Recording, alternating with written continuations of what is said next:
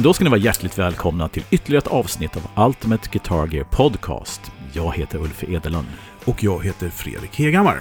Ja, men vad trevligt. Vad ska vi prata om idag Uffe? Ja, men det ska jag tala om för er. Vi ska ha ett spår som kallas I en perfekt värld. Mm. Som handlar lite grann om eh, quirky, lo-fi och lite annat. Hur vi tänker på det här med olika saker. Eh, vi ska inte gå in för mycket på det men nu, men eh, Mm. det är huvudspåret. Och sen så har vi då från Fölster ska vi snacka cellulosalacka. Ja, Mm. lack. Mm. Och i veckans pryl så har vi då en riktigt cool gitarr från Gammelkura. Ja, precis. Det blir något eh, gammalt, något nytt och något blått. Precis. Som- vi ska se om det gifter sig i det här avsnittet. Ja, eller hur? Oho, Göteborgen. Ja. Nej, men du, vi kör. Gör det. Ja, men coolt. Det här är ett jätteintressant eh, ämne. Finns Ja, men- många infallsvinklar Ja, på men det. absolut. Men när vi satt och snackade om det här, vad vi skulle prata om, så var det lite så här, men vi har, vi har nämnt det förut, den här lo-fi-vågen som har rullat in lite grann när Mm. det kommer till pedaler och sådana saker. Men så tänkte vi, om vi tänker lite meta då istället, att Mm. vi är, vi lever i, vi lever inte i en perfekt värld, eh, men vi lever i en tid där liksom det finns så himla väldigt mycket bra instrument och utrustning och hit och dit. Och, eh, låt säga att den är perfekt då. då. Man, Ja. liksom, gitarrerna stämmer perfekt, de spelar perfekt. Och det är true temperament, det är evertune och det är massa saker som hjälper oss hit och Mm. dit. Eh, det är bättre än någonsin. Ja, och grejen är liksom att både du och jag är så pass gamla så att vi är uppvuxna med det här med att man inte kunde köpa, om man inte hade väldigt mycket pengar, en bra gitarr. Nej, man, fick kä- kämpa med det man hade. Man fick kämpa, alla liksom billiginstrument som man hade råd med var kassa. Så att vi, man strävar efter att äntligen få köpa en bra gitarr. Mm. Och idag är det ju så här att allting från 1500 spänn uppåt är så pass bra så att det är nästan tvärtom. Så Ja, verkligen. Den här perfekta världen och den här äh, tillverkningsindustrin som har fått mycket, mycket bättre toleranser hit och dit skapar ju nästan ett behov till det här som är tvärtom. Ja, men e- exakt. Och det var väl Mm. det vi kom fram till. Att, att vi ser ju, eh, tycker vi oss se, liksom lite trender i att, att när allting är så perfekt så vill man hitta något som inte är så perfekt. Ja, Och att man liksom eh, hitta nya vägar, bli utmanad, hitta nya uttryck etc. Eh, och då ge sig på saker som inte är perfekta helt enkelt. men, men kan man säga, om man säger så här då, att, att säga att att hitta någonting som inte är perfekt, kan man inte vända på det men uttrycka på ett annat sätt, kan man säga hitta något som är mer personligt? Är det så att om någonting är för bra, eller för bra incitationstecken, mina fingrar syns Mm. nu, liksom gör Ja, de här... jag ser dem. Ja, du ser dem. Ja. Eh, är, för att, är det så att vi är, allt blir för förtuggat och för bra så att man saknar det här saker och ting som hugger tag i en och så, ja, men hur ska jag förhålla mig till det här? Nu måste jag hitta ett sätt att förhålla mig till den här konstiga grejen, utan allt har varit bara rakt spår. Jo, men Mm. absolut. Eh, det, det, det är lite så jag menar. För att Mm. om man tänker sig så här, eh, historiskt sett när jag har pratat med icke-gitarrister Mm. eh, om min stora passion, gitarrer och sånt. Så har man frågat så här, men vad är din favoritgitarr då? Eh, och eh, det skulle jag behöva välja en så skulle jag säga Telecaster. Mm. Och då liksom så här, ja, men varför, varför är den så himla bra, liksom, när det finns så mycket annat? Mm. Jo, men för att Telecastern är så kantig och den är så enkel och den är så... Eh, den är, den är liksom... Ger utrymme för ett personligt uttryck, Mm. ha, eh, har jag tyckt. Ja. Att den liksom så här, ja men eh, smeker du den väl, då, då får du tillbaks liksom Mm. väldigt, väldigt bra grejer. Mm. Eh, men det kan också låta helt hemskt om man inte kan. Ja. Eh, det lämnar jag till betraktaren vad som är hemskt och vad som är bra. Mm. Men du förstår vad jag menar. Att Ja, det, liksom, det, är, det är ett ganska liksom, yxigt instrument. Ja. Men Telecasterna idag Mm. Är ju liksom Formel 1-bilar jämfört med, Mm. med, med det som jag kanske menar med Telecaster. Med att ha en gammal Blackguard som spelar fantastiskt bra. Men det, det, det, det liksom kräver sin man eller kvinna för att få den att göra allting. Ja. Men de som bemästrar det så finns det ju nästan inget bättre. Och, där Tycker är, jag. Ja, och det är intressant därför att menar, en, en gammal Telecaster är inte helt lätt att intonera, beror på hur sal, salarna ser ut. Ja. Du har en kurvatur på greppbrädan Mm. som är väldigt rund, Mm. vilket innebär kommer upp på grepp, brädan och ska bända sånt så får du kämpa med den. Och många saker med den som, som satte nivån för Alltså du var tvungen att verkligen spela mycket på den för att komma förbi och lära dig de här quirksen. Så att Ja, säga. ja, och du har den här verkligen missmatchen mellan halsmycken och stallmycken. Du Mm. har liksom det vassa, eh, jag säger vast om det används fel, men alltså diskantrika, väldigt direkta, hårda, eh, Mm. genomträngande stallmicken som är magiskt bra. Mm. Och du har den alltid lite för runda halsmicken. Ja, Eh, om du inte har ett perfekt ex, så att säga. Men liksom, Mm. och, och, och det här med, när man hör de här riktigt gamla hjältarna, även nya för den delen också, som finns. Eh, jag tänker på Julian... Eh, inte Assange. Lange, Ja, till exempel, Mm. när han spelar på sin Blackguard. Alltså, Ja. Det är ju helt magiskt. mm. Eh, vi- vilken tonpalett. Också Ja. i de här små gamla skitförstärkarna han spelar på, Mm. jag höll på att säga tweedar. men Mhm. Eh, men Mm. liksom, det ska inte låta sådär bra. Liksom. Nej. Men han bemästrar det. Och det är det Ja. jag menar med, med att eh, nu när saker och ting blir mer och mer digitalt, Mm. det som försvinner då lite grann, om jag ska vara bakåtsträvare hit och dit, är det imperfekta. Mm. Eftersom det är samma varje kväll. Ja, och, och, tar du, och, det, är liksom, tar du då en telecaster och fixar ordning på allt det här som folk har retat sig på, ja då får du en perfekt telecaster. Men frågan är, vill man ha en perfekt telecaster? Och det är lite grann, då, då kommer vi till grundbotten på den här diskussionen lite grann. Jo men exa Mm. exakt, och då kan man titta på att det här är egentligen ingenting som kanske sker nu, men det är väl kanske bara att jag har lagt märke till det mer nu, men jag tänker med hela den här vågen som kom med, eh, med eh, offset-gitarrerna, Ja, det ska gå in på också lite grann. alltså ja, Sonic Youth, eh, liksom eran. precis, Dinosaur Junior och hela den. Exakt, där det är liksom ja. så här, ja men Mm. en del av hela det soundet är att det, det ja, än en gång, nu använder vi termer bra eller dåligt. Ja. Alltså förstår du vad jag menar? Det, det, det kräver, hade det varit en, en uh, true temperament, inget fel på det heller. Jag vet, det är svårt att prata om det här utan att man trampar någon på tårna. Men förstår du vad jag menar? Hade det varit en Mm. perfekt intonerad gitarr i, i en, i en liksom perfekt overdrive hit och dit så hade det inte varit Dinosaur Junior. Nej. Exakt. Och det intressanta med det du säger med, med offset-gitarrer är ju för att de har ju alltid funnits som någon form av du vet, kusiner från landet jämfört med alltså Telecaster och Stratocaster. Det har alltid varit de har varit charmiga, de har varit coola och de har, till, de har liksom hamnat i det här lo-fi Ja.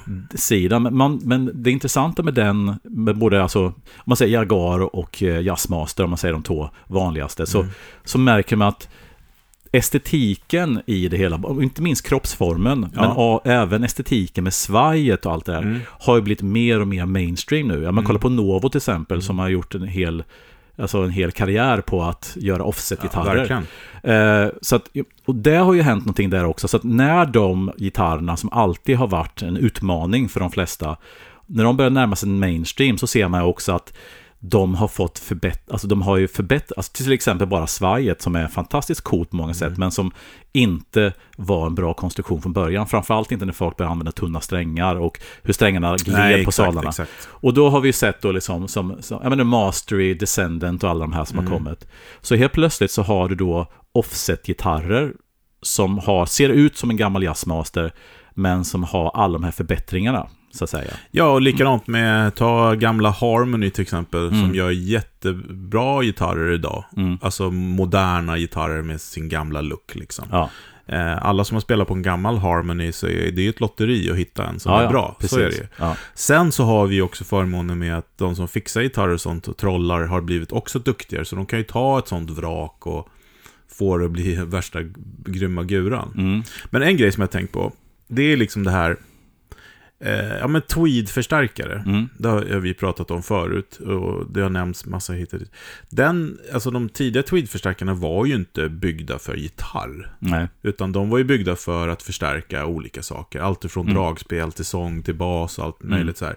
Det är ingen som har suttit och tänkt på vilka frekvenser som är bäst lämpade för gitarr. Nej. Ändå så är det eh, en av de mest inspelade förstärkarna. Och man ser mer än någonsin av det just nu. Att folk Ja. vill ha tweedar och spela och de har skyrockat i pris hit och dit. Mm. Där menar jag och hävdar jag att det har med det här lite oförutsägbara, vilda, okontrollerade Ja. som gör att det blir levande. Ja. Ja, och, och, och eh, så är det ju. Och det har ju all, all typ av rörteknologi, eller all typ av gammal teknologi, har ju, tycker jag, liksom, väldigt ofta i alla fall, den här lilla oberäkneliga grejen inbyggd i hela. Alltså, då är man tillbaka i det här liksom, att det är klart man i, i den bästa världen skulle, vi, skulle man vilja ha det här, allt det som det här ger, men ändå ha en säkerhet i själva användandet. Ja, ja, ja Men jag lägger men- ingen värdering om det är bra eller dåligt. Nej, nej, men precis. Men, men liksom att problemet jag upplever är att du kan inte få, du kan inte ha kakan och äta den. Du kan inte få en perfekt intonerad telecaster utan att offra någonting av det här vilda, oberäkneliga, skeva lite grann så va? Nej, precis. Och sen så kan man ju dra det till sin spets då. då. Eh, nu är det poddhjärnan här, men de- den här mannen som du glömde bort namnet på jämt. Kommer Ja. du ihåg vad han heter nu? Buddy Miller va? Tack. han, han har ju liksom gjort det. eh, Det är ett bra exempel tycker jag. Han Ja. spelar på så här Wonder-gitarrer. Yes. Det är skräp liksom. Ja, Väldigt högaktat och samlat, men de är byggda av gamla kaffemaskiner vad jag förstått i... i det, det sägs så. Vespa-delar och kaffemaskiner. om man kollar objektivt hur de sitter ihop och hur de, Ja. hur de liksom håller ihop så är det så. Ja, precis. Det, är, det, det är... Ja, men jag skulle kunna säga att det är skräpgitarrer. Ja. Mm. Men de har ju sin, sin grej. ja. Och han spelar ju den in i mass, alltså, vibrato på tremolo, alltså verkligen så här ja. Förstärker det, det quirky då som, Ja. som vi jobbar, hade arbetstitel att det skulle handla om lite quirky grejer då. Ja. Svårt att översätta men eh, så att det blir ju en sån grej eh, av det. Och liksom Dan Electro, de här tidiga modellerna, sådana som jag har, jag har en 59 står där, jag tycker man ser mer och mer av de här enkla gitarrerna som är, är har liksom, de är inte perfekta, men, men de har en jävla karaktär alltså, som är fantastiskt. Ja. Och, och jag menar, du har ju David Lindley, du har liksom Buddy Miller, du har alla de här som, som har använt cheapo-grejer för att få fram någonting annat. Och, och det är just det här när du låter dina grejer lite grann styra vad du kan göra och inte göra. För en Warner-gitarr har ju begränsningar i vad du kan göra. Ja. Och, om du, och det är liksom lite grann det här att utnyttjar du de begränsningarna som du har så kan du hitta väldigt liksom, kreativa vägar. Men det är, det, det är lite grann det här med som Spotify, liksom, vad ska jag lyssna på? Jag, när jag, sett mig, jag vet inte vad jag ska lyssna på. Ja, men du har allt. Ja. Ja, jag, vet inte. Nej. Alltså det här, Ja. man får den här option anxiety liksom. Mm. Och jag tror att det som är skönt med grejer, när grejerna bestämmer åt dig, är att det blir lättare för dig att hitta en väg, Mm. alltså kreativ. Vilket är, jag tror, lite grann därför som Buddy Miller använder de här gitarrerna. Därför att det blir en väg framåt som Ja, och det är, kreativ. hans, det är hans penslar. Ja, för det, för det, det, vi ska säga det också, det här handlar ju om, hade vi målat så hade det varit penslar, färger och dukar och hit och dit man Mm. använder. Sen är det ju också det att eh, hade, hade man jobbat med musik och spelat in mycket, då vill man ju ha de här speciella olika färgningarna. Ja, ja, men precis. Men, men just här, man är weekend warrior som vi just nu, när man är ute och spelar hit och dit, då vill man ju att gitarren ska stämma och att den ska inte ramla ihop. Eh, och, och den ska inte tjuta och den ska gå att använda volymkontrollerna och sådana saker. Ja, och, då kanske man vill ha liksom en, en strata-variant med två singelcoilen och handbackar, för det klarar 80-90% av det du ska göra. Ja. Så att än en gång, eh, rätt verktyg för, för ditt ändamål. Eh, men jag tänker också en liten annan grej. Du, du var inne lite grann på det här och det finns ju en rörelse nu tycker jag som är intressant som hänger ihop med de här lite billiga instrumenten. Och det här är som, när du håller på med bilar så kallas det något som heter restomod. Mm. Att du tar till exempel som Singer-Porschar, du tar en gammal Porsche, det här är liksom high-end som in bänken, men Mm. du tar en gammal Porsche och sen så gör något nytt ut, utifrån det gamla chassit. Just det. Eh, och det finns en del som håller på med det här och jag tänker framförallt då på på förekommande anledning så har ju Ronin, de har ju sin modshop. Jag vet inte om du har sett den? Absolut, jag har dreglat många timmar över dem. Ja, och de tar ju gitarrer från Tasco, Silvertone, K, Airline, Vox, Ja. alla de här gamla... Deras shit- airline. Ja. ha. deras cheap och grejer. Och sen så gör de ganska stora förändringar på dem. De kan byta greppbrädor, de kan liksom byta hardware, nya Mm. mickar. De, de, de, liksom, de säkrar de här gamla instrumenten Ja. och gör dem spelbara. Jag har inte kollat priserna, men de är säkert svindyra. Ja, ganska dyra. Ja, precis. Men det som är charmigt med det här är ju att då tar du någonting som folk tycker är ospelbart, men som är charmigt, som folk inte riktigt vågar närma sig. Och sen så tillför du de här elementen som behövs för att det ska bli spelbart, utan att döda själen. Och det är det, det är det här som är det Ja. svåra. Mm. Hur kan man få hur kan man få den här gamla telen eller gamla airlinen att behålla personligheten men göra den spelbar? Mm. Det är den här balansen, det är Mm. den här sweet spoten. Mm. Och det jag tycker är intressant med sådana som Ronin och många andra som gör det här är ju att hur man plocka fram. Och det vi ska ha veckans pryl är klockrent det som vi kommer till sen. Men det här med att man plockar någonting som folk tycker är obsolet och bara kan slängas på skräphögen, plocka fram den och gör den till ett riktigt fint instrument. Ja, och jag vet inte heller om det kan vara så att vi ser mer av det nu, eller jag ser, eller du också för den delen, eftersom vi har valt det här ämnet. Men det kan ju också ha att göra med, precis som du nämnde tidigare, att när vi växte upp, då var det de gitarrerna som fanns att tillgå. Mm. Och att det helt enkelt är en sån love attraction, att, att man dras till dem. Man vill se dem igen liksom. Ja, precis. Eh, jag såg faktiskt häromveckan en sån här eh, Kort-gitarr från Hobbex, som var min första gitarr. Oh, hobby. Och det är liksom, det var, vart ju så här, oh, nej jag ska inte ha en sån. Ja. alltså förstår du det? Elgitarr med rostfria den hade strängar. liksom en och en halv centimeter höga strängar. Ja. Men jag satt ändå och spelade Iron Maiden på den där in, in i stereon. Mm. Med min HM2. Mm. Mm. Och det var fantastiskt. Mm. Så att, eh, men så jag tror att det hänger ihop med det. Och sen så har vi ju då som den här genren med musiken som vi pratade om, eh, Sonic Youth och eh, Dinosaur Junior, de här som har liksom anammat det där fullt ut. Mm. Eh, med att eh, ha grejer som låter, gör missljud och hit och dit. Det är och, alltså och missljuden i sig har ett ändamål. Ja, ja, ja, absolut. Det är, ja. det är deras färger och penslar helt Mm, enkelt. Och att, mm. att utan det så skulle det inte vara någonting. Nej. Eh, Det skulle det väl vara, för de är väldigt kreativa människor, men du förstår vad jag menar. Ja. Men eh, en annan grej också då på det här, och Ronin också är en väldigt bra grej, för det är liksom deras eh, eh, hjärna, kan man Ja. säga, i det de gör. Det är ju de här Goldfoil-mickarna. Ja. Jag ska göra en shout-out till er som lyssnar. Gå in och kolla på Ronin, eh, jag vet inte om de heter, Ronin Guitars tror jag, på Insta och kolla på de här mod shop-gitarrerna. Ascoola. Ja. Ja. förlåt. Eh, nej men att Goldfoil-mickar är ju också en sån grej. Ja. Det är ju väldigt populärt. Mm. Eh, det soundet eh, och det. Och det är ju väldigt alltså, dåliga mikrofoner. Ja, men de, alltså Goldfold satt ju på de här billiga, de här vi nämnde nu. Det var ju liksom en cheapo-variant av, av de stora Ja. drakarnas eh, single coil eller handbackers. verkligen. Ja, oftast var ju då foilmickarna single coil, Ja. oavsett hur de såg ut. Så att, eh, Och det, det är mer poppis än någonsin. ja, ja visst. Du ser ju jättemycket goldfoil-mickar Mm. på svindyra gitarrer då. Mm. Och, och, och jag tror också att det är för att de har en karaktär som kommer fram och är imperfekt och passar väldigt bra också i den här digitala världen. Mm. För att det som har varit svårt med Goldfoil eh, i den tidiga världen, det är att de tjuter och de kan upplevas som för tunna och de Mm. väsnas och håller på. Men i, liksom, i en digital värld så är det ju, tillför ju det här. Ja, absolut. Eh, och de är också ganska släta tror jag i sitt, eh, Mm. Sin frekvens. Ja, de är brighta utan att bli De har någon sån här silkighet i toppen Ja. som är ganska intressant. Sant, de låter väldigt bright, men de är inte vassa. Men sen tror jag också att, att, att Goldfoil-mickarna har fått uppsvinga är att om du sätter en sån, man ska säga cheapo-design i en svinbra gura, alltså Novo eller Ja. Rone eller vad som helst, så kan ju då, då kan ju de här mickarna komma fram på ett sätt som de inte hade Oh ja, gjort- oh ja. i de här gamla vraken, eller vad man ska kalla det då. Liksom. Precis, men också att du får tänka då, det är massa grejer när man börjar prata om det, men eh, du spelar inte lika högt på scenen, Nej. till exempel, vilket är jättebra för sådana mickar, för de Mm. rundar annars direkt, Mm. de bara tjuter som grisar. Eh, nej, men det finns massa grejer som gör att de är väldigt lämpade i den här eran. De har, de har passat in, de har hittat tillbaka. Ja, men verkligen. Ring- Cirkeln är sluten. Eh, och eh, det, det tycker jag är kul, det är ett sånt tecken. Och sen så pratar vi om offset-gitarrerna som vi snackade om.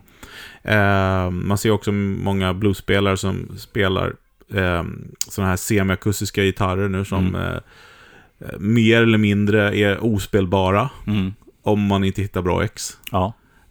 Och det är coolt, för Mm. de låter ju så jävla häftigt. Så Ja. det är det, det är det som är... Och, när du nämner det tänker jag också ta en lite annan spaning som jag tycker hänger ihop med det här. Jag har ju liksom, som ni har förstått som lyssnat, hamnat lite grann i det här ES3, 3XX eller 345, 55, 35 träsket här. Och, eh, Många och, siffror där. Ja, jag vet, vet. Men alltså, alltså Gibsons klassiska ES, halvakustiska instrument. Och eh, i den genren så har det ju i alla år varit så här att de här, eh, när du satte ett Bixby på så sänkte det värdet 30% på en gammal 50 eller 60-talare och satte Ja. Veritone som du gjorde på alla 345 Mm. och många 355 så sänkte det Mm. priset ytterligare. Så att målet var att egentligen ha en 335 som har då en stop tail piece, tunematic, utan Bixby, utan något annat. Det var Just det. de som var högst värda. Ja.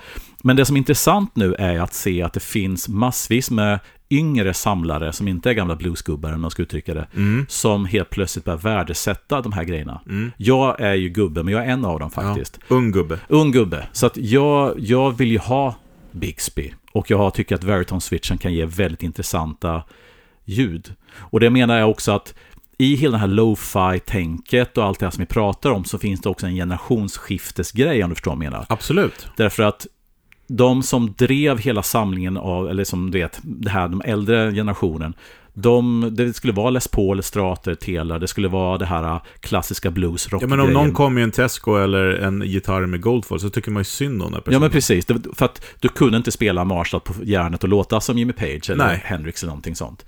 Men det känns som att den, den nya generationen, eller generationerna, har en liten annan syn på det här med hur instrument... Alltså det, det är, tror jag helt enkelt en annat sätt att se på instrumentet. Att ett Bigsby eller en Veritone eller ett eh, halvsunkigt jazzmastersvaj, Ja. att det är viktigt för vad man vill uppnå. Att det, Ja. de begränsningarna eller det ljudet som det ger, Mm. ger en annan grej. För jag Ja. menar, en, en, en, gitarr utan svaj har ju väldigt direkt ljud, har mycket fundamentala toner, Ja. lite pingigt ljud. Ja. Som många då har ansett att vara, det är där så det ska låta. Men jag personligen tycker att det Bixby gör med ljudet är att gör, ger liksom övertoner och en luftighet. Mm. Okej, du tappar det här omedelbara lite grann, men du får någonting annat.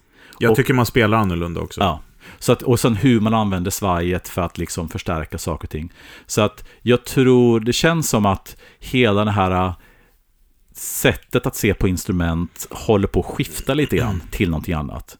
Och eh, det kan ju hela den här digitala utvecklingen som vi pratar om och allt det här kan ju bidra till att man vill hitta tillbaka till de här äh, personliga grejerna. Ja men absolut, om man tittar liksom, kisar lite grann på historien av elgitarren så kan man väl säga att liksom den här eran där eh, Tunematic kom och där liksom stratan man kan justera in och det var där det fastnade lite grann. Ja, precis. Och sen så kom ju Ibanez, får man väl ändå ge dem hela liksom den Ja men Floyd kom innan, men de gjorde det mainstream kan man väl Ja. säga. Liksom den här lo- locking, väldigt tunna halsar hit och dit. Och sen så har det ju kommit fantastiska uppfinningar som sagt var som, som vi gitarrister verkar ha svårt att eh, ta till oss fullt ut. Som Mm. Evertune till exempel, Mm. eller eh, Vega Trem och alla vad de heter, de här nya Mm. fantastiska grejerna. Ehm, och eh, ja, True Temperament och sånt. Men uh, Fanfret och Ja. hans moster. Eh, men, men en, och det är klart att man ser, det blir mer och mer av det. Mm. Sportgitarrer som vi kallar det. Ja, precis. Eh, det, är Lite- också lite- trend, det är också trendigt. Lite lätt nedlåtande, men okej. Nej, jag, ja. jag tycker inte det låter. Varför Mm. inte göra det lätt för sig för det, liksom. Mm. men, men det är också sån musik där man behöver vara väldigt flink. Ja. Men, men, men den här genren med eh, det här lite trasiga ljud, det här, eh, men vi har pratat om granular eh, delay, Mm. som är det här överraskningsmomentet till och med. De Ja. här Chase Bliss-pedalerna, eh, Habit och de här grejerna som kan spela in saker du spelade för en månad sedan och spela upp det helt plötsligt. När man sätter på dem så vet man inte riktigt vad man kan vänta sig. Nej, precis. Mm. Och det, jag tror att det är ett eh, rop på Hjälp. Ja, men att Typ. i, i en perfekt värld Ja, så ja. blir ju det imperfekta intressant. Ja. Men det du säger nu är intressant, därför att det här med Evertune och Vegatrem och allting sånt är ju egentligen den fåran som började när man försökte förbättra allt och Ja. försöka få det här. Och den, precis, den här fåran, alltså om, om du ska spela modern metal idag till exempel, eller ska kunna ha det här tekniska flödet och allting sånt, så behöver du de här moderna hjälpmedlen, eller utvecklingen av gitarren. Så den Ja, det kommer får- hjälpa dig. Ja, den fåran finns ju och den kommer alltid finnas och det är ju liksom teknikutveckling går framåt. Men så har du den andra fåran som, som reagerar mot att allt blir så perfekt. Och det är den vi försöker beskriva nu och det känns som att den har blivit närmat sig mainstream mer. Medan den här äh, tekniska utvecklingen har liksom blivit flyttat åt sidan lite grann. Förstår du? Jag menar att det blir lite skifte i Absolut. det här. För innan så var det så att den tekniska utvecklingen, att förbättra allt, det här blir bättre för varje år, var den stora fåran. Mm. Men nu har, känns det som att hela den här sportgitarr-race-grejen har blivit en liten sidofåra, medan Mm. imper, det här imperfekta spåret på något sätt Precis. har, har, har blivit mer mainstream. Exakt. Men jag tycker, för mig är det viktigt också att inte nödvändigtvis koppla ihop det med, eh, med vintage. Nej, nej, nej. Du har inte... Eh, nej, men man nej. kan tänka så annars. Ja, att ja. liksom så här, ja men vintage, det är äldre gitarrer, de var inte lika utvecklade hit och dit. Men nej, riktigt så är det inte heller. Utan jag menar liksom, med ta en sån gitarrist som ehm, Mason Stoop, Mm. som, som, som är eh, fantastisk gitarrist. Han använder ju mycket quirky grejer, Ja. liksom, eh, som det är hans palett. Bara, Mm. Jag menar, det finns en Rig Rundown med honom, han, har ju så här filmprojektor de spelar igenom Mm. och hit och dit. Det är ett berg av grejer liksom. Mm. Och, Mm. och det kan komma fram någon leksakssyntgitarr eller någonting. Ja, ja. Men det låter ju helt magiskt. Liksom. Mm. Han, han spelar ju traditionellt och sånt också, det är inte det. Men han, han är inte rädd för att liksom, använda de här grejerna för att eh, måla sina tavlor med, så att säga. Och det jag tycker det är coolt. Och jag ser fler och fler som gör det. Mm. Eh, tycker jag. Slidespelare som, ja men, Mm. kommer gitarrer och... Sen finns det liksom gitarrer som kanske ser ut att vara så, men som är... Alltså, jag tänker till Blue Box till exempel. Ja. Det är ju ganska retro-design, ser, ser ju ganska... Men det är ju en eh, modern gitarr Mm. i sig, så att säga. För du beskriver nu tycker jag är egentligen den intressanta, liksom, vi har berört det lite grann, men den här intressanta mellandelen, det här med att du har lite grann som de här ma- eh, som jazzmastersvajen som Master till exempel representerar.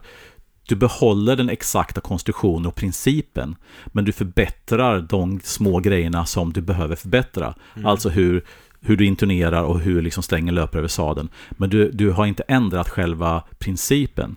Vilket innebär att du har kvar känslan Mm. och mycket av ljudet i gamla svajet. Men du har förbättrat det här som du måste förbättra för att kunna använda det. Mm. Och hitta den här, det är det här, liksom, att hitta den här jämvikten. Där du inte går för långt i den moderna utvecklingen så att du dödar själva vibben. Men andra sidan förbättrar det som var inte bra så att säga. Oavsett om du gör en restomod eller om du bara byter ett svaj eller någonting sånt. För du kan ju hitta hem väldigt bra på ett skönt sätt bara med att ändra en sån liten detalj. Abs- Ut, utan att döda själva vibben i guran menar jag. Absolut, absolut. Nu pratar vi mycket om gitarr och sånt, men Mm. jag, kom, jag tänker pedaler också. Det här, det här, de heter, vad heter de? Death by Audio heter de va? Mm.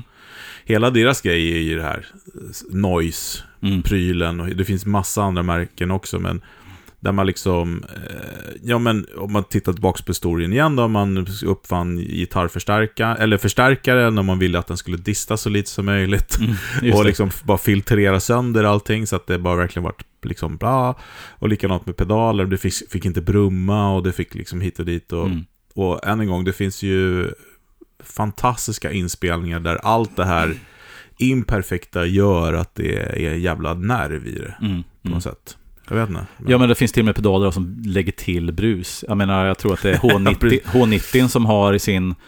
Det är väl den här, liksom, har en algoritm med om det är ett bandeko eller om det var, ja, det var någonting sånt där. Och då kan du lägga till brus, liksom. Mm. Det här ljudet som blir när du använder preamp. Ja, Mm. Chase Bliss Generation Lost där var Ja, ja, men väldigt precis. stor Ja. säljare. Att liksom, det låter som ett VHS-band liksom. Som, Och det säger ju ganska mycket om vår tekniska utveckling när vi börjar få grejer som liksom förstör för att vi ska hitta någonting som, som, som ger en annan, ett annat djup liksom på något Ja. sätt. Eller hur man ska ut, att förstöra fel, men alltså ge att vi har tagit bort allt det här som man kämpade med förr i tiden för att få tillbaka det Mm. man kämpade med förr i tiden. Mm. På något sätt. Det är liksom konstig bita sig i svansen-utveckling, men som, som är ganska typisk för vår samtid någonstans. Liksom. Jo, nej, men jag tänker med...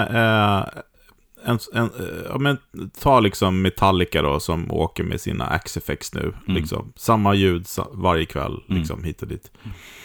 Eh, nu, jag har, jag har ju också, också spelat mycket, men absolut inte på den nivån. Men jag bara tänker mig, bara de gångerna vi spelar, liksom, eh, förr i tiden när det var mycket så att hur olika det lät från ställe till ställe och kväll Mm. och hit och dit. Och nu när man kör in er, man, liksom, det är liksom det, man tar ju bort eh, väldigt många faktorer Ja. Där bara humöret kvar. Så att Ja, säga. jo. jo, men precis. Och, och jag menar, är man på Metallicas nivå där du har en produktion så, så förstår jag det valet liksom. Därför att det är en no-brainer på sitt sätt. Men är man då i studion eller som vi, vi spelar kanske lite mer sällan och inte åker på turné Mm. där, där saker och ting Mm. ska hålla ihop.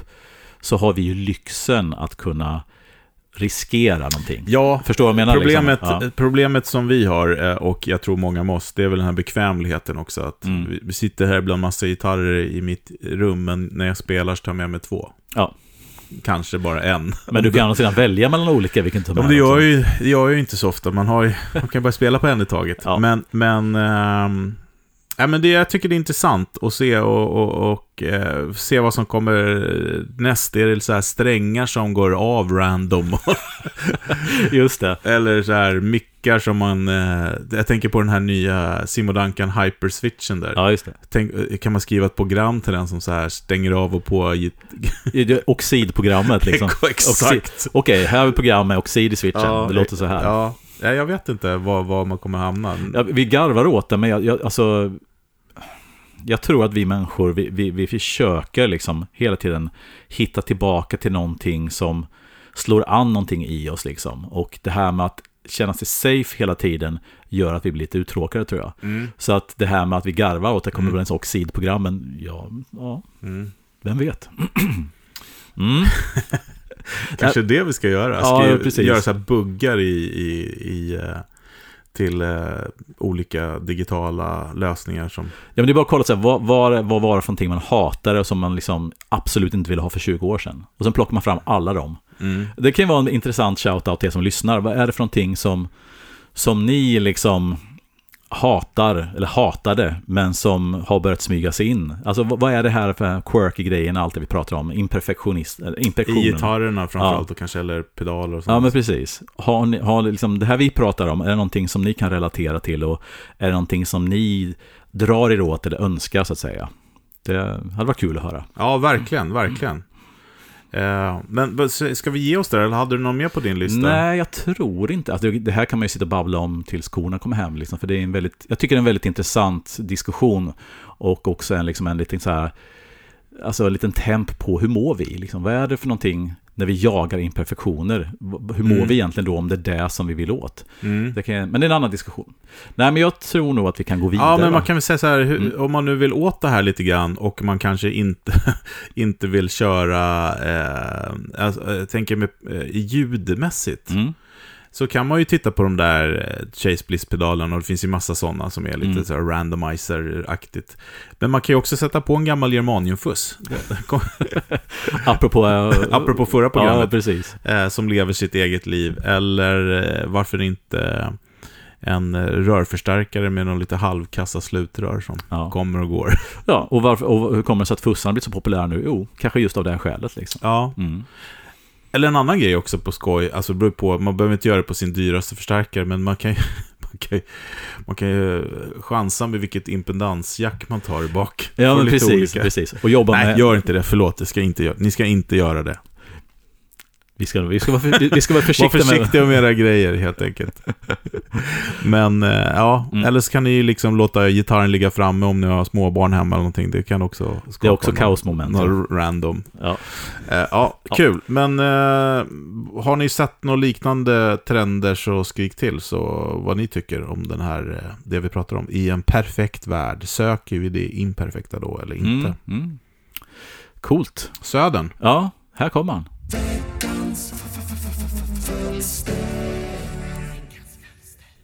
Sådär ja.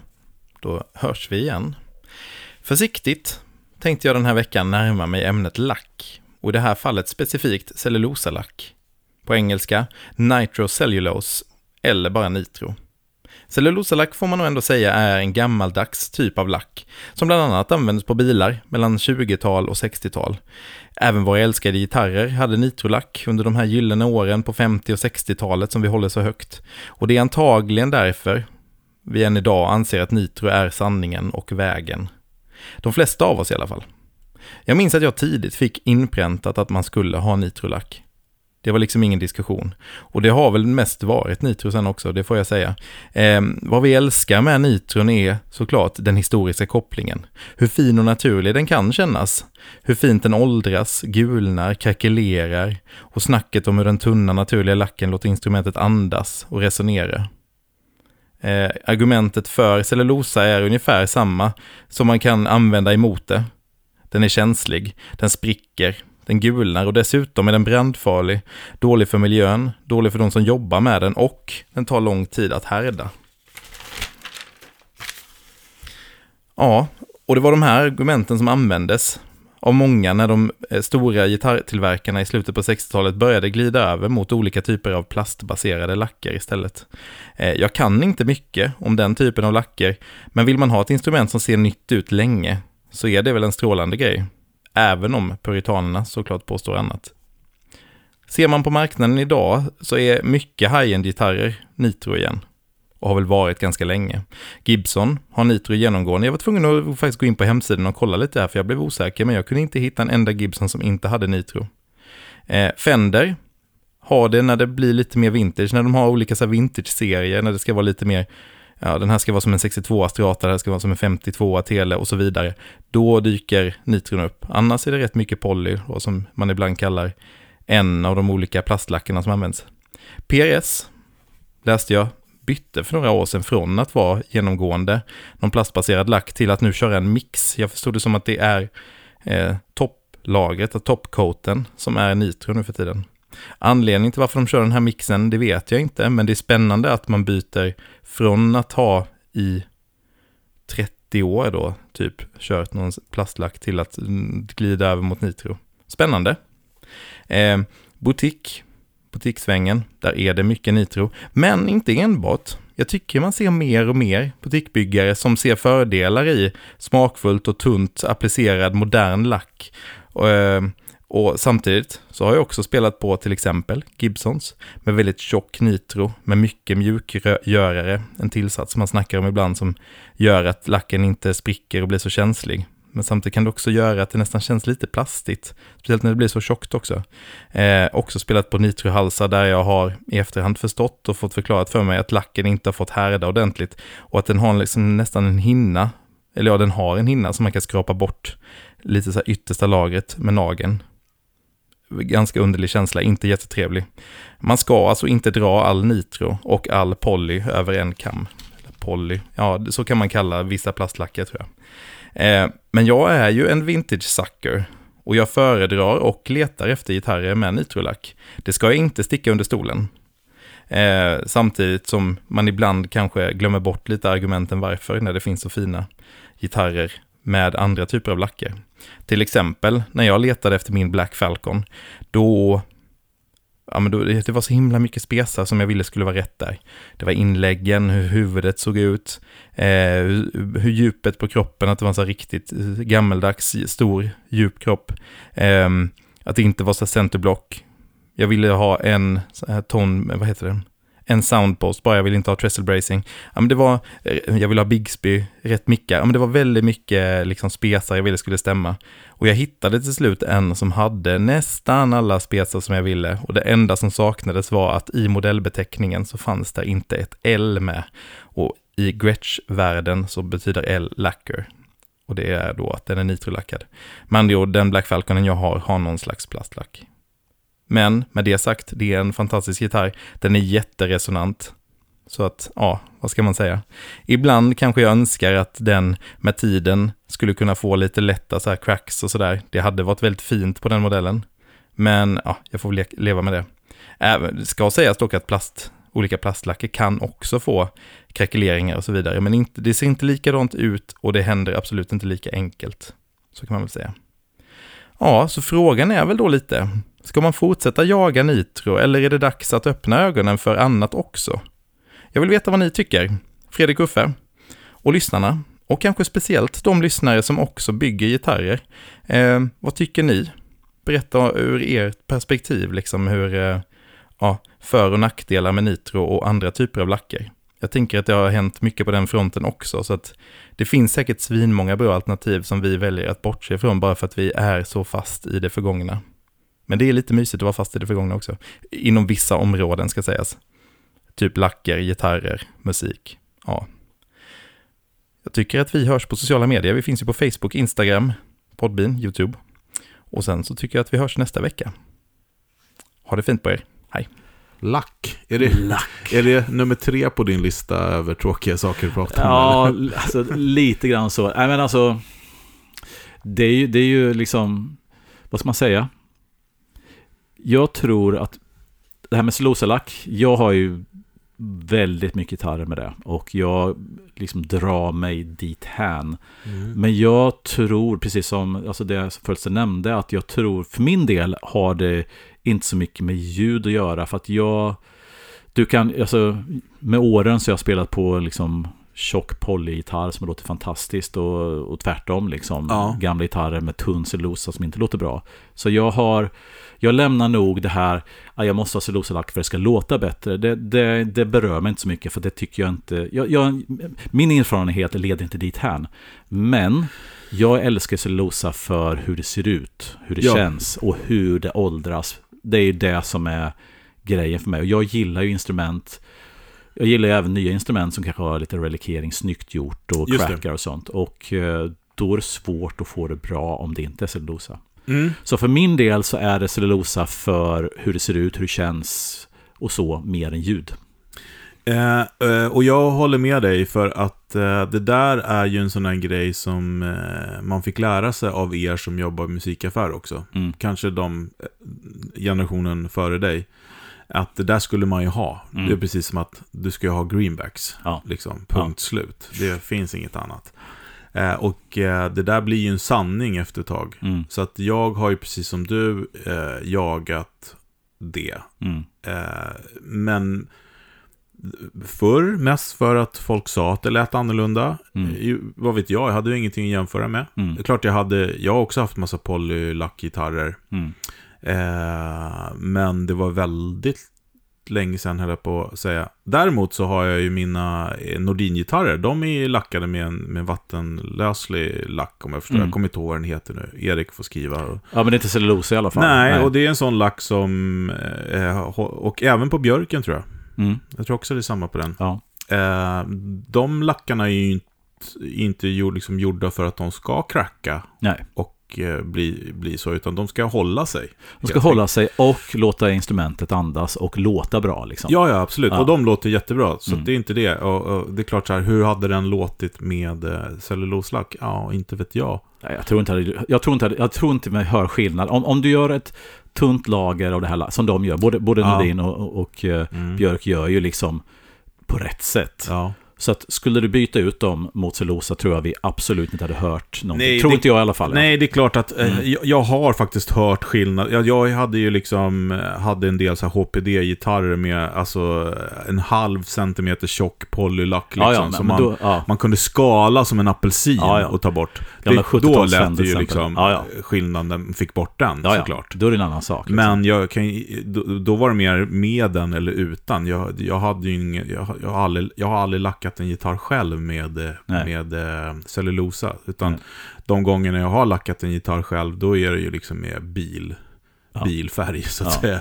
Men jag, jag, jag, det kanske jag, ni som lyssnar får rätta mig om jag har fel här och ni som bygger gitarrer också, men jag får ju för mig att med en, alltså en, vad ska man kalla polylack då, eller som, som inte en nitrolack, så kan du till och med få ännu alltså tunnare lager i och med att lacken är mycket mer motståndskraftig. Att du Mm. måste lägga fler lager av cellulosa för att få samma motståndskraft. Och sen så, eh, ex, fan vi är ju inga lackexperter här, men det här grejer man har snappat upp. Mm, mm. Att det har ju med hur mycket sådana eh, mjukmedel du har Just i. det. Ja. Eh, ju mer mjukmedel, ju hållbarare blir det. Eh, och eh, ju mindre, ju hårdare blir det, där spricker det lätt och Ja. flagnar av och hit och dit. Exakt, så att jag menar, nit, ja, alltså, vi ska ha en nitrocellulosalack så är inte alla eh, skapade på samma sätt. Ja, men som mitt Corina-V där till exempel. Mm.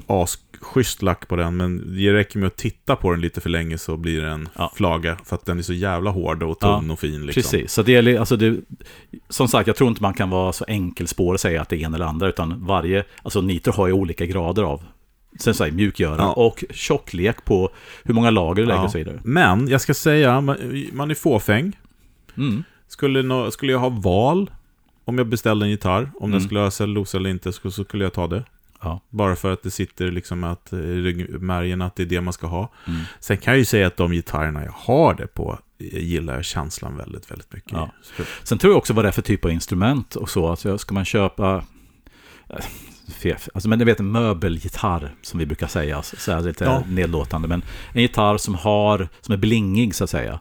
Där liksom väldigt ådrat träd, det kanske guldmekanik och allting sånt. Där själva liksom grundvibben i gitarren är någonting, så ska den se ut för all, i alla tider så att säga. För Ja. att det, är så, det är så tanken Ja, ja, är. man vill inte att den ska få dings. Nej, liksom. precis. Så är ju en, en, en polylack mycket, mycket, mycket bättre än en cellulosalack. Mm. Eh, men har du, låt oss säga, ett instrument som du vill ska åldras och bli slitet Mm. med ditt användande så, ja, men jag, tror- jag, jag, jag tror att jag, jag landar i mer, vad, ska jag, vad är det för instrument och hur ska jag använda det? Mm. Hur vill jag att det ska se ut om tio år om, och så vidare. Ja.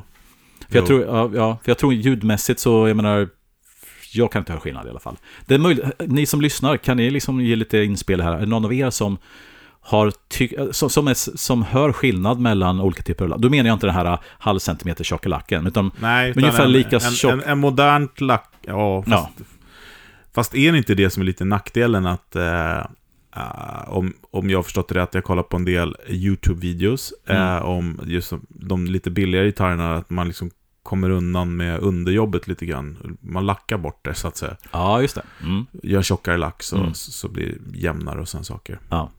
Ja, det, det, det är svårt. Det, det, det är ett rörligt mål om man säger så. Ja, exakt. Men Mm. då är det ju bra när det går trender i sånt också, så att man gör som till exempel eh, Novo, som vi har nämnt, eh, Mm. som vi nämnde nu i förra blocket här.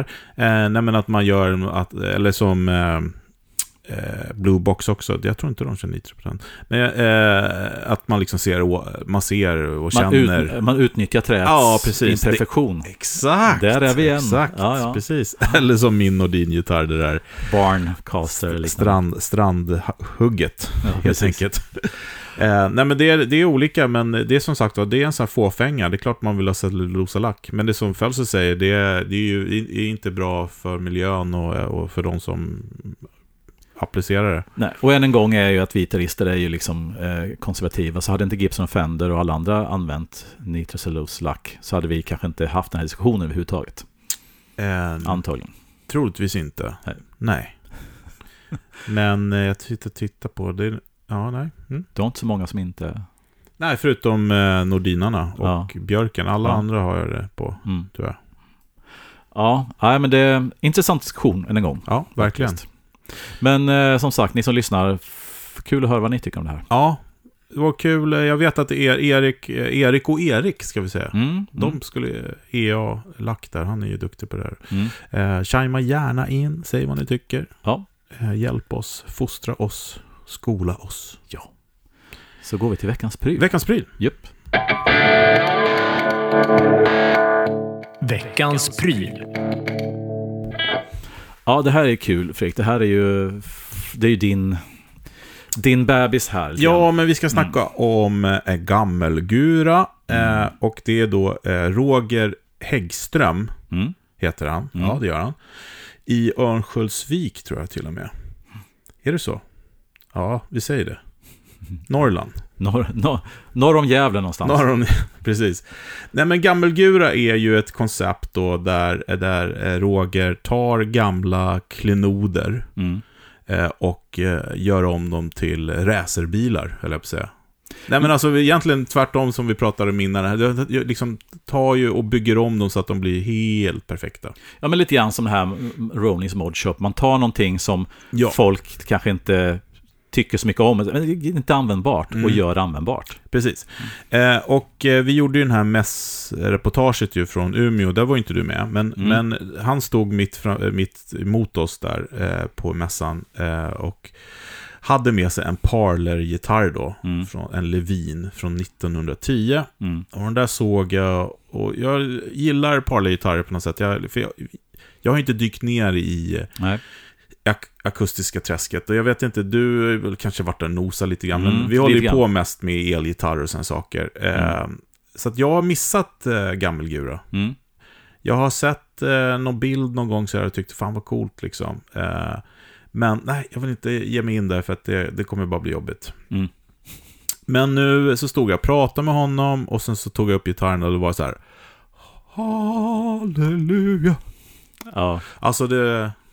Ja, den var, jag, kunde inte, jag drömde om den som jag sa till honom Mm. där dagen efter och Mm. var tvungen att... Eh, och som tur var så var den inte till salu. ja. Så jag fick köpa den. ja, det är det här n- när stjärnorna, eller planeterna, ställs i rad. Ja, men absolut. Mm. Eh, och det som är lite speciellt med just den här då, då eller jag ska säga, gå in på gammelgura.se för där är det byggtrådar på alla de här han fixat till. Mhm.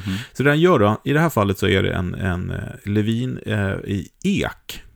Ganska ovanligt Ja, också, så kan man lugnt säga. Ja. Eh, Från 1910. Och ek är väl inte det bästa liksom eh, s- Sonic-trät. Tonträna. Nej, ton, tack. Tonträ heter det. Mm. Men eh, i det här fallet så är det väldigt, väldigt bra. Eh, det, den är från 1910 som jag sa och är ganska ovanlig eftersom den har då ek i sida och botten. Mm. Eh, men det han gör det är att han plockar isär gitarren i småbitar, värmer isär den liksom. Mm. Eh, han eh, sätter i ny bracing, Mm. han tunnar ut lock och botten så att det liksom blir perfekt ljud på det. Mm. Och bygger ett nytt stall. Mm. Och det där stallet är ju väldigt väsentligt och liksom, hur det är byggt och var det sitter hit och dit. Mm. Eh, och det coola också med det som jag gick igenom, gick igång på helt, är liksom så här, ja men, liksom hur många timmar han har lagt ner på att lära sig liksom vad som, jag ska förklara. Mm. Eh, det här stallet då som man bygger, eh, vet jag inte riktigt vilket, jo stallplatta i gran eh, och eh, vad står det här mera? Ska jag kolla? Ja, skitsamma. Jag, jag lägger ifrån mig den här och så berättar istället vad han berättar för mig. Han bygger det här stallet eh, och då är det ju så att det är stålsträngad. Mm. Han byter greppbräda också, Mm. gör och sätter band och hit och dit. Gör inte dragstång annorlunda också? så Jo, här? kolfiber dragstrång. Mm. Ah. Eh, Så Okej. att den är liksom solid och helt, helt plötsligt blir den spelbar. ehm, på så sätt och vis. Men stallet här nu då, där strängarna går ner i, så Mm. eh, liksom trycker man, ju, man, man stoppar ner kulan och så sätter man i en sån eh, pigg, Mm. plugg, eller vad säger man? Ja, ja, Plugg? Ja, typ. Ja, Typ. Med klassiska Ja, pegg, en pegg, Ja. en golfpegg. Eh, det har jag sett på ganska många gitarrer faktiskt, man tappar bort dem där. Eh, men i alla fall, då är det så att kulan då kommer ju upp mot träet där. Och Mm. det har en väldigt avgörande på hur, hur det låter. Just det, kontakten med Ja, att Mm. om ni tänker att hålen då som, som, eh, som kulan går ner i, och så trycker man ner den här peggen så ligger den emot då, där under, Mm. under till. Mm. Där har han liksom olika träslag för varje sträng. Oh. Det är high-tech. Eller Ja. low- low-tech och high-tech på Och en det, gång. Ja. det, det här gör han för att få samma volym i Mm. alla strängar. Mm.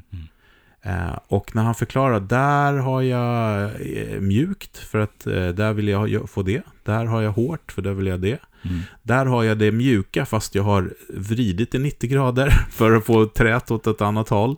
Eh, för att det, alltså det, alltså det där smällde jag av på. Mm. Och den låter ju helt magiskt sådär. Mm. Han sätter också in ett, ett, ett, sånt, vad heter det, KM, KM, eller vad heter det? Mixsystem. Mixsystem. Oh, är det inte Eller Brags? Nej. Eh, jo. Det het, men det heter någonting med K. Skitsamma. Ja, ja. Ett bra Eh. mixsystem. Ja, Mm. absolut. Eh, och så gör han då eh, sadeln där nere, eller stallet ska jag säga. Mm. Eh, det är också lite speciellt. Då eh, är det liksom, om man tittar på det från sidan så ser det randigt ut. Mhm. Jo, för att under varje sträng ligger på en ben. Be, be, ben. Är det stallsadeln nu eller vad Ja, är det? alltså, ja, precis. Stallsadeln. Mm. Varje sträng har liksom ett, en egen benbit och Mm. emellan dem så sitter det trä. Okej. Så att den bl- blir som randig då, så han sätter ihop den där. Så att, och det gör han ju för, för bättre strängseparation. Så att Ah. strängarna har liksom sin egen grej och sen sitter det gran emellan för att det kanske inte var gran, men något trä, jo det är gran. Eh, emellan då för att liksom så att de, de får sina egna Ah. liksom ljudspår. Så varje sträng har olika typer av material som den löper över i bägge sadlarna då? På något sätt. Både, både Den har samma och, material, men Mm. de är is- isolerade om man Ja, säger men så. precis. Men varje sträng har sitt material, så nästa Ja. sträng har ett annat material. Exakt, exakt, Ah, exakt. right. Precis, i ben då. Mm, mm, Eh, och, och det är kompenserat, mm, såklart. mm. Eh, och eh, även då eh, sadeln, alltså Mm. huvudsadeln där uppe är Mm. också kompenserad. Typ bassfejten, men när jag sa till honom, ja är det bassfejten? Han bara, nej för fan det här är på riktigt. Okej. Ja. Men, men den, den, den, eh, vad ska man säga, den eh, principen. Ja, men precis. Man, Man, man, ser, det ser Ja. liksom lite Ja. eh, trappaktigt ut Ja, uppifrån. precis. Mm. Eh, vilket gör att den stämmer ju som en gud. Mm. Liksom. Han byter stämskruvar, eh, de ser gamla ut. Hit, hit. Så det, det blir liksom en Formel 1 spelmässigt, men det Ja. ser ut som ett eh, det gamla Levin-vraket fortfarande. Liksom. En ganska klockren resto mode, alltså med, med det här att du använder chassit med det som är bra i chassit, men som förbättrar allt annat. Ja men verkligen, verkligen. Mm. Och jag har ju sett bilder på andra, och han hade med sig två, sin personliga gitarr, det hade varit hans personliga, när han har en ny då, då och eh, en, ytterligare en, eh, någon amerikansk gitarr sådär. För han, folk skickar ju gitarrer till honom då. Mm. Och ibland så hittar han dem och ibland köper han dem billigt. Liksom. Så Mm. det, det är ju billiga gitarrer liksom, Ja. eh, som han köper. Men Ja, men alltså jag tycker det är fantastiskt. Jag menar, hur många gamla Leviner, de här små parligitarrer, har man inte sett som bara slängs och sånt? Mm. Och han ger dem nytt liv. Och vilket liv! Alltså jag, jag har ju inte spelat jättemycket på den, men jag prövade den här, när du kom hem där från mässan så Ja. spelade lite grann på den och jag fick också säga, jag vill här, jag vill ha. Det var liksom så här, Ja. ja, ja, jag får första king, det har jag automatiskt. som, men, så på ja. allt här inne. Ja, precis. Men, men det var verkligen så här, alltså wow. Och det, det som jag, en grej som jag nästan aldrig har hört på gitarr var, jag vet inte om du kommer ihåg det, man tar, jag vet inte vilken ton är ton, om det var på B-strängen någonstans. Och så fick jag den, man slog an den och så gick den över i, alltså rundgång. Ja, alltså, ja. Och då är inte rundgång så, utan det som, det som händer. Sustain. Sustain och sen går den upp i övertoner. Så att från att ha grundtonen så hör man tersen, kvinten, Ja. oktaven, liksom det här. Ja. Något som du behöver ganska mycket gain och distorsion i en stor förstärkare för att få en elgitarr. Det fick vi akustiskt. ja, alltså det... Och, då tänker man så här, om, om du får fram de övertonerna i en akustisk gitarr, då innebär det att då finns nästan ingenting som snor effekt, utan det är bara strängen som får andas helt fullt. Nej, det var, den är, ja, fantastisk. Jo, men han, han liksom får ju det här att- sjunga he- helt eh, grymt helt enkelt. Så jag läser lite grann här igen då. De här locken och botten brukar vara 3,5 mm någonstans. Han drar ner dem under 3 mm bara Mm. för att den ska liksom få, en annan... Eh, Ja, resonerar bättre. exakt, exakt. Så att det blir mindre massa. Mm. Ja. Eh, Och sen bracing, alla de här, det är ju superviktigt. Rosewood, eh, stallet görs i Rosewood då, Mm. helt enkelt. Alltså själva, eh, vad ska man säga? Basen som sitter fast på Basen, precis. Mm. Madagaskar Rosewood i halsen. Eh, och han gör en 16 radius, 16 tums radius Mm. på, på så att den ska liksom eh, spela bättre. Ja. Eh, fixar till, han fyller i om det är några sådana här eh, slagmärken i halsen så fyller han i det och jobbar bort det. Eh, intonerar på sin speciella grej där han eh, börjar från olika punkter och jobbar så liksom, Mm. ja, jävla jobb alltså. Ja. Ehm, nu ska vi se, vad satte han på för? Det stod ingenting om... Alltså, man, när, man, när du läser allt det allt han har gjort Ah. och allt jobb han lägger ner så låter det här som att det är en 100 000 kronors gitarr. Ja, Men det är det ju inte. nej. Mm. Eh, den, jag tror jag betalade 12 000 för den. Ja, Vilket är helt, helt sjukt. sjukt. Det kan inte ens täcka liksom en tiondel av hans arbetstid. Och ännu mindre liksom material. Ja. Nej, det, det är alltså, jag vet inte hur, jag har bara testat en av hans gitarrer, men den var, den var faktiskt magisk. Vi, säger, vi använder ordet lite grann, liksom sliter ut det lite grann, men Jo, Ja, men jag, men jag testade ju här- dem, ja. eh, jag testade i fyra då, alla Mm. fyra var jätte, jättebra. Den här talade till mig, men det är klart att, och den är ju lite speciell eftersom den gjorde ek då, då mm, och egentligen inte ska på pappret funka. mm, Utan de flesta är ju liksom lönn eller Mm. mahogny eller sådana här saker. Så att, men eh, han bygger ju projekt emellanåt. Eh, men de flesta gör ju så att de skickar en gitarr ja till honom, Om jag har förstått. Gör din grej med den här gitarren. Ja, Mm. precis. Gammelgura som sagt var. Jag ska lägga upp en länk till eh, byggtråden på den här, så Mm. kan man se den processen. Men det Mm. finns som sagt var, hans webbsida är mer utav en blogg, där man får följa Ja. de olika projekten. Ja. Så att, eh, titta på dem. Men jag kan varmt rekommendera. Men det jag skulle säga också, med, i och med att jag inte har varit inne i, i akustiska världen, Mm. så att eh, de som jag vet, Rydman och Kristral, de, alla de kände ju till Roger okej. sen innan. Ja, ja, så okej, att okej. det, Ja. är, det är jag som ligger lite efter. Det är vi som kommer med nyheten till alla andra som vet om det. Exakt. typ. Precis. Ja. Nej, men fantastiska gitarrer och eh, så himla kul med eh, återbruk. Ja. Mm. Det som har nästan gått som en röd tråd i detta avsnitt. Det här med Ja, att precis. jobba där man, där man har. Liksom. Ja, exakt. Men, men, men å, å, andra sidan, det här är lite motsatsen till hur vi började. Det Ja. med att man väl, utan det här är mer, mer som man ser idag när man tar de här gamla grejerna och gör om dem så att de blir perfekta. Men man Mm. får ändå, som du säger, ljudet kvar, men den, just det här med att den stämmer sig bra och sådana saker. Så, eh, ja, mm. Men den behåller sin personlighet. verkligen, Ja. verkligen. Coolt. Ja, men som sagt, vad har, har ni som lyssnar några fler tips på liknande, med hela det här resto mod-tänket, att man återbrukar gamla instrument eller annan teknisk utrustning? Eh, ge oss tips om vi har Yes. missat. Ja, alltså, vi har bara nämnt några, men vi vill gärna Mm. veta mer. Ja. Vi tycker att det är ett intressant koncept. Ja. Men eh, på återkänd, jag tänkte säga, vänta, vad är när kommer det här? Det är väl midsommar va? Ja, strax innan. Ja, trevlig midsommar då. ja, det får vi lov att säga. Ja, precis. Ha det gött. Så hörs vi. Mm. Hej! Hej.